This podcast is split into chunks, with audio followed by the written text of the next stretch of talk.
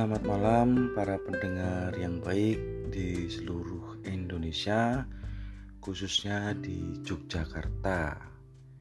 Yang sekarang pada pukul 23 lebih 40 menit uh,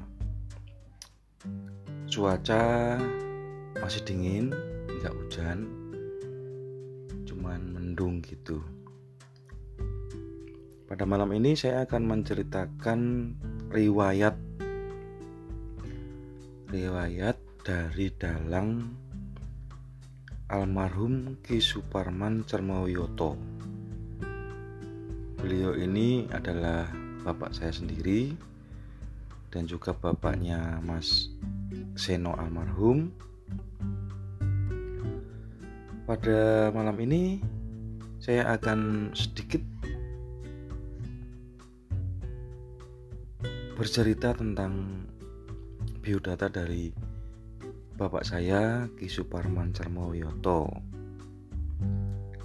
tentang riwayat beliau mendalang, riwayat kelahiran beliau dan juga perjalanan berkesenian pada era tahun 70-an, 80-an.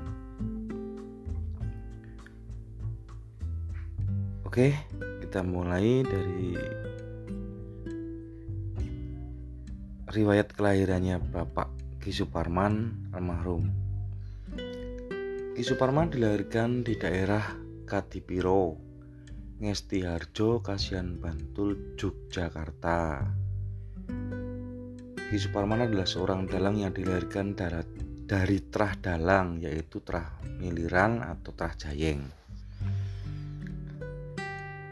Ayahnya adalah seorang dalang kondang di era tahun 40-an sampai 60-an yaitu Ki Dalang Ki Cermo Bancak.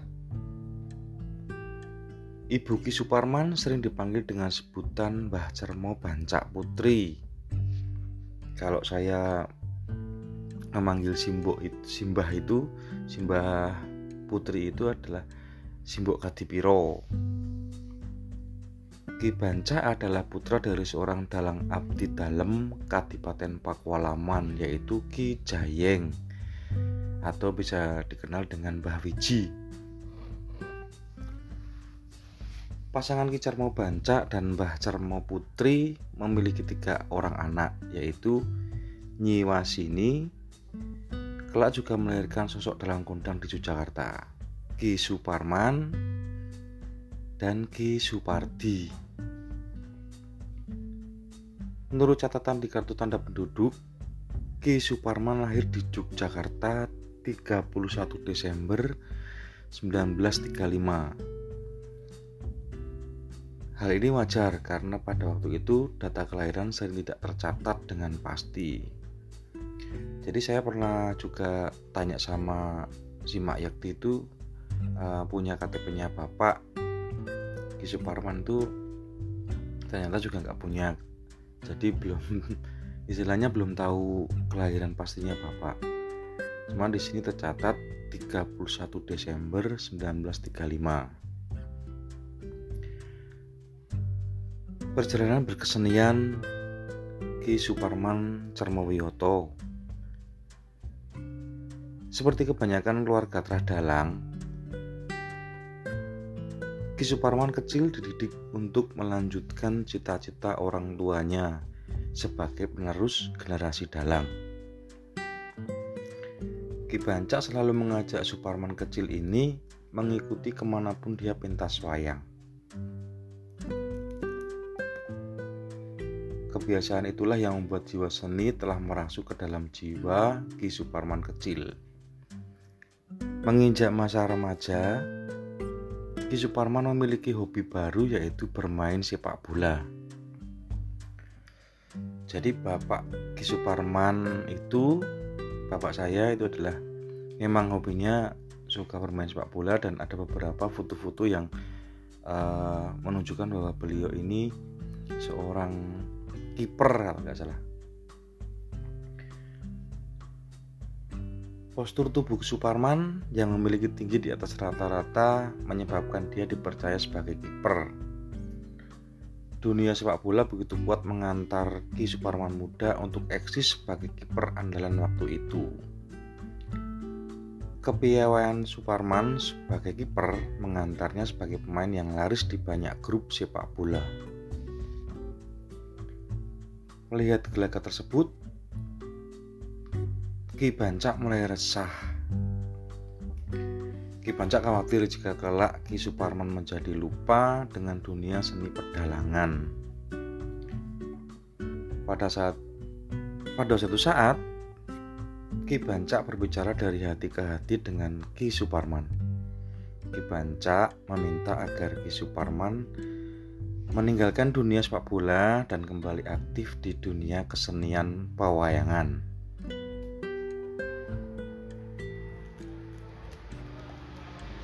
Setelah melalui perenungan, Gayung pun bersambut. Suparman memantapkan pilihannya untuk kembali menekuni dunia wayang. Mulai saat itu, Suparman muda bersedia menjadi dalang di siang hari pada pementasan Ki Bancak.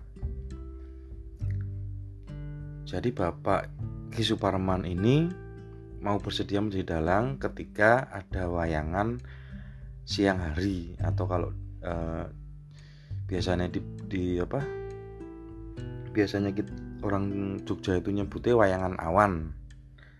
Jadi siang-siang itu sekitar jam 10 mulai nanti habisnya uh, tutup kayunya itu biasanya uh, maghrib maghrib itu sudah tutup kayon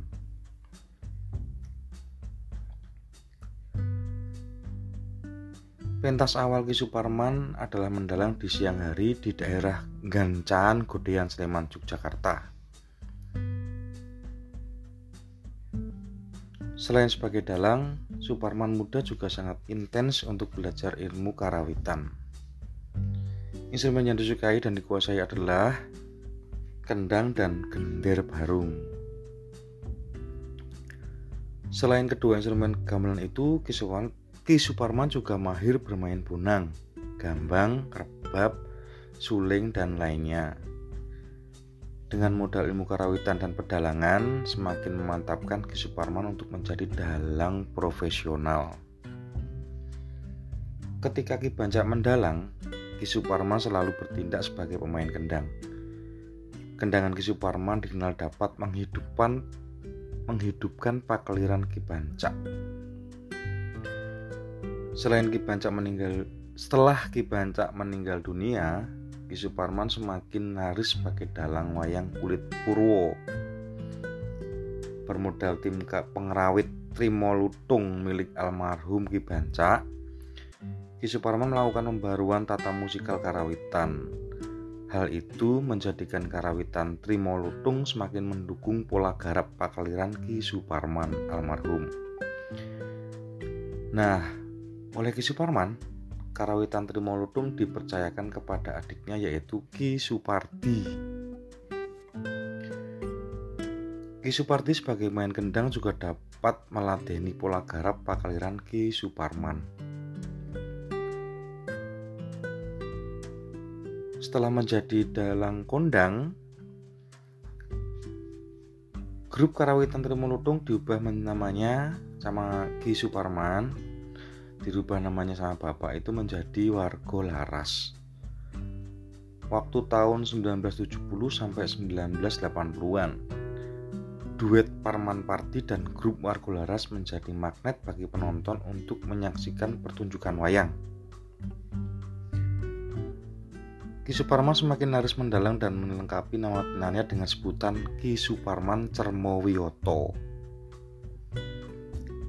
Masa keemasan beliau, Ki Suparman adalah antara tahun 1975 sampai tahun 1988. Daerah yang pernah disinggahi Ki Suparman untuk mendalang dan untuk diundang pentas di beberapa kota adalah seluruh wilayah Yogyakarta, Purworejo, Kebumen, Comal, Pemalang, Pekalongan, Jakarta, Pagilaran. Dan tidak lupa juga mungkin eh, ranahnya pewayangannya bapak itu Ki Suparman itu juga di Wonosari juga banyak riwayat keluarga Ki Suparman menikah dengan seorang wanita bernama Ibu Sri. Dari pernikahan tersebut, mereka dikaruniai tiga orang putra, yaitu Mbak Ambar, Mas Bayu Kuncoro, dan Mas Bimo Tetuko. Ki Suparman kemudian menikah dengan Ibu Sayakti. Kemudian memiliki dua orang anak yaitu Ki Seno Nugroho dan Mbak Wahyu Selanjutnya Ki Suparman menikah dengan Ibu Endang Kustianingsih atau bisa dipanggil Mbak Eti Suparman. Uh, dan memiliki satu putra yaitu Mas Heru Nugroho saya sendiri. Jadi saya adalah putranya dari Ibu Eti Suparman. Bu Eti ini adalah dulu itu seorang seniman juga. Seniman kalau masa mudanya sama bapak itu Ibu Eti ini masih anu masih uh, ditari di penari lah penari wayang orang. Dan sering mami itu sering mem memperagakan tokoh Janoko. Itu yang kondangnya tuh Janoko. Kalau kalau di sebuah pertunjukan kondangnya di pertunjukan itu juga bermain sama uh, Pak Mancakil. Jadi uh, istilahnya cakilan. Nah itu kondangnya Ibu Eti Suparman di situ.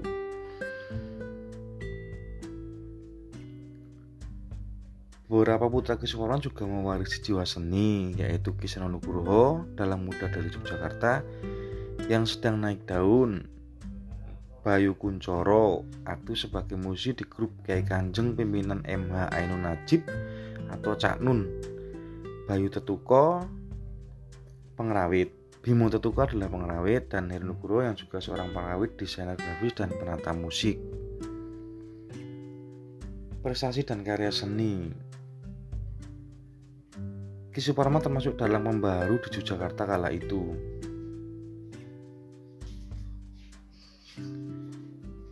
Ki Suparman mulai menggarap karawitan bukan sekedar pengiring dalang, tetapi diramu agar dapat menjadi daya tarik bagi penonton. Di tangan Ki Suparman, grup karawitan Wargularas mampu menyuguhkan olahan garap gending yang dinamis, kekinian, rampak, kompak, dan tanggap situasi. Ki Suparman juga mengiringi grup karawitannya untuk terbuka dengan gaya kesenian daerah lain sehingga mampu menghasilkan garap gending gaya Yogyakarta Surakarta, Banyumas, dan lain sebagainya. Kisi Parman bersama Karawitan Margolara juga mampu memasuki dapur rekaman, baik rekaman wayang kulit, yon-yon maupun langen mondrowanaran.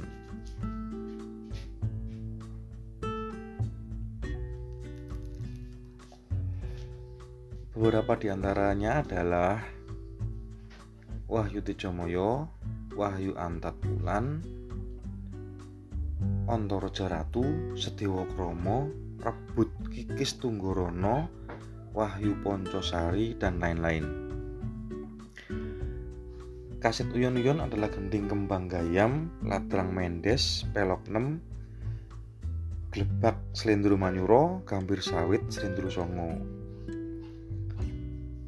Kaset Langan Mondoro Wanaran adalah Senggono Anoman Obong jadi itu beberapa kaset yang sudah diterbitkan oleh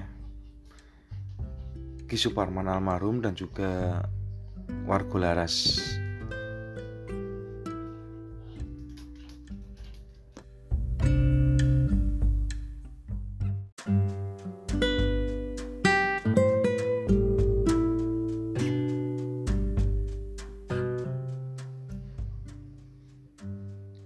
Suparman juga seorang dalang Yogyakarta yang memasukkan instrumen drum ke dalam karawitannya. Ki Suparman juga memasukkan instrumen cacan saron, saron cacan songo wilah lazim dalam pagelaran Surakarta ke dalam garap pakalirannya. Ki Suparman juga mengolah lagu-lagu modern kala itu untuk disertakan dalam adegan goro-goro seperti lagu Susana, Lihat Kebunku, Tik-tik bunyi hujan, dan lain sebagainya. Ki Suparman mampu menyajikan tata panggung yang rapi, bersih, dan menarik. Ki Suparman dikenal memiliki pergaulan luas, tidak terbatas di Yogyakarta, tetapi juga sampai di Surakarta, Banyumas, Boyolali, Sragen, Karanganyar, Nganjuk, Surabaya, dan lain-lain. Ki Suparman sangat akrab dengan dalang di luar Yogyakarta seperti Ki Narto Sabto, Semarang, Ki Anom Suroto, Surakarta, Ki Mantep Sudarsono, Karanganyar, Ki Mujoko Joko Raharjo, Boyolali, Ki Panut Darmoko, Nganjuk, Ki Gonto Darman Sragen dan masih banyak lagi. Setiap malam Rabu Legi bertepatan dengan acara pentas Wiyosan Ki Anom Suroto, Ki Suparma selalu menyempatkan untuk berkunjung dan bergaul dengan dalang dari luar Yogyakarta. Hal tersebut yang membuat Ki Suparman dapat memper, mempergelarkan lakon-lakon yang jarang ditampilkan di Yogyakarta kala itu seperti Sesaji Rojo Suyo, Bali Sikolo-Golo, dan Wiroto Parwo. Ciri khas Pakaliran Menurut pengamatan penulis, ciri khas Pakaliran Ki Suparman adalah sebagai berikut. Pertama, warna suara yang gandem, antep, harum, dan nafas suluk yang panjang. Kedua, Piretan cengkok sulukan Ki Suparman termasuk memiliki perbedaan dengan dalang Yogyakarta pada umumnya. Ketiga, dodokan Ki Suparman memiliki kekasan, yaitu dengan ritme yang bedani. Keempat, keperaan Ki Suparman termasuk salah satu yang digandrungi penonton. Suara keprak itu bening, ngecek ngerampat, dan apabila nyisir terdengar seperti suara angkup. Nomor 5, sajian keseluruhan dan pentas Ki Suparman dikenal rapi, bersih, dan menarik. Berikut tadi eh, saya sudah bercerita tentang kelahiran dari Ki Suparman almarhum bapak saya tentang perjalanan berkesenian, riwayat keluarga, prestasi dan karya seni, ciri khas pakalirannya. yang berikut saya akan uh, bahas lagi tentang riwayat kematian dari almarhum Ki Suparman. Ki Suparman begitu ingin melihat salah satu putranya dapat mewarisi ilmu sebagai seorang dalang kondang. Bakat itu dilihat oleh Ki Suparman ada pada anaknya yang keempat yaitu Ki Sinonugroho. Waktu Kisina Nugroho masih duduk di bangku SMKI jurusan pedalangan dan belum pernah sekalipun mendalang, sekitar tahun 1988 Ki Suparman menerima job pentas di Pekalongan. Sedangkan adiknya yaitu Ki Supardi juga pentas wayang siang malam di daerah Merican, Depok Sleman, Yogyakarta. Ki Suparman menerima kabar jika anaknya yaitu Kiseno Nugroho akan mencoba menjadi dalang siang hari di Merican. Sebelum berangkat ke Pekalongan, Ki Suparman lalu mempersiapkan diri untuk melihat anaknya mendalang untuk pertama kalinya.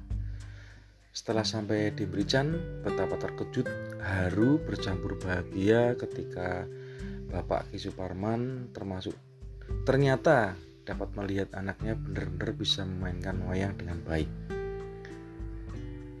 Rasa bahagia, bangga, dan terharu tercampur menjadi satu sehingga tidak terasa air mata Ki Suparman menetes.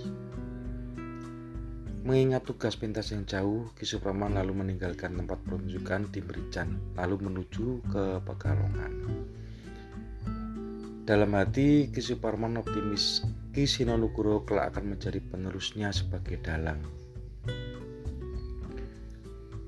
Pada hari Sabtu malam minggu tanggal 7 Oktober 1989 Ki Suparman diundang pentas dalam tok di rumah seorang lurah di Borobudur Magelang, Jawa Tengah. Setelah selesai pentas di Borobudur, Ki Suparman merasa kondisi badannya tidak sehat. Oleh sopirnya, Ki Suparman diminta untuk segera istirahat total dikarenakan mempunyai kesanggupan untuk hadir di Toyan Wates Kulon Progo ke rumahnya Ki Hadi Sugito.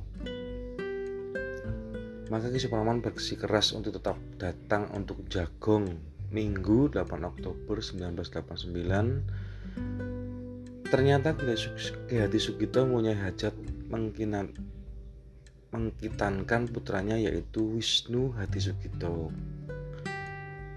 Dalam acara itu, Ki Sugito mengundang dalang dari Gombang Sawit Boyolali, yaitu yaitu Ki Mujoko Joko Harjo.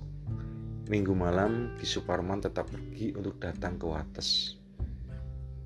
Ki Suparman begitu menikmati sajian yang ditampilkan Ki Mujoko. Senin dini hari jam 03.00 tanggal 9 Oktober Ki Suparman merasa kondisi kesehatannya mulai menurun dan akhirnya kembali ke rumahnya di Jalan Mangun Sarkoro nomor 52 Kota Yogyakarta. Pada hari Selasa pagi 10 Oktober 1989, Ki Suparman tidak sadarkan diri dan dilarikan di rumah sakit Bethesda Yogyakarta. Tuhan telah berkehendak tepat pada hari Kamis Pon tanggal 12 Oktober 1989 12 Mulut 1922 Jawa Ki Suparman telah kembali ke hadirat Sang Pencipta. Ki Suparman wafat di usia 54 tahun. Dunia pedalangan Yogyakarta berduka karena kehilangan sosok dalang pembaharu. Terima kasih atas perhatiannya dari para pendengar seluruh Indonesia sumber ini ditulis oleh kalau nggak salah eh, saya membacanya ini ditulis oleh Ki Sumanto Susilo, Madio beliau juga seorang dalang yang memerhati eh, terah panca juga terah Ki Suparman juga sangat mengagumi di dalam Senono Nugroho almarhum. Terima kasih juga kepada Mas Manto yang sudah menuliskan beberapa riwayat dari bapak saya, Ki Suparman Cermowiyoto. Terima kasih sekali. Uh, bagi saya, bapak adalah dalang kondang selama-lamanya dan kunjuk dungo kagem beliau kunjuk dongo ugi kagem Nugro almarhum. Semoga selalu diterima di sisinya. Berikut penturan dari saya Mas Heru Nugroho anak dari ragilnya Ki Suparman Wiyoto dan juga adik, Ki Sino Nugroho uh, intinya saya ingin me memberikan biografi dari Ki Suparman Cermawiyoto dan untuk yang untuk yang episode mendatang saya akan mengupas lagi tentang biodata dari kakak saya almarhum Ki Nugroho. Semoga ini bisa menghibur para fans-fans dari Ki, Sur Ki Suparman Cermawiyoto dan juga fans dari Ki Nugroho saya meminta doanya semoga bapak dan kakak saya bisa swargo luko kagem beliau beliau terima kasih selamat malam. Ini sudah menunjukkan pukul 00.35 setengah satu malam hari sen hari Selasa.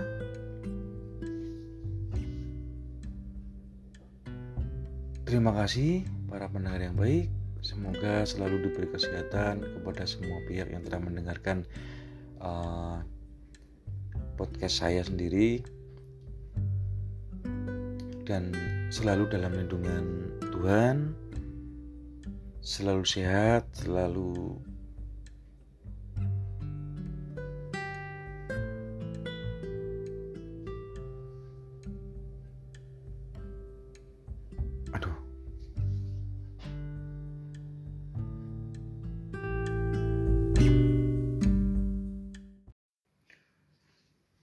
Terima kasih, selamat malam, dan salam budaya. Salam juga wayang kulitku subscribe Heru Nugroho official. Selamat malam, sampai berjumpa lagi ke podcast-podcast selanjutnya dan pembahasan-pembahasan lainnya yang tentang wayang kulitku. Terima kasih. Selamat malam.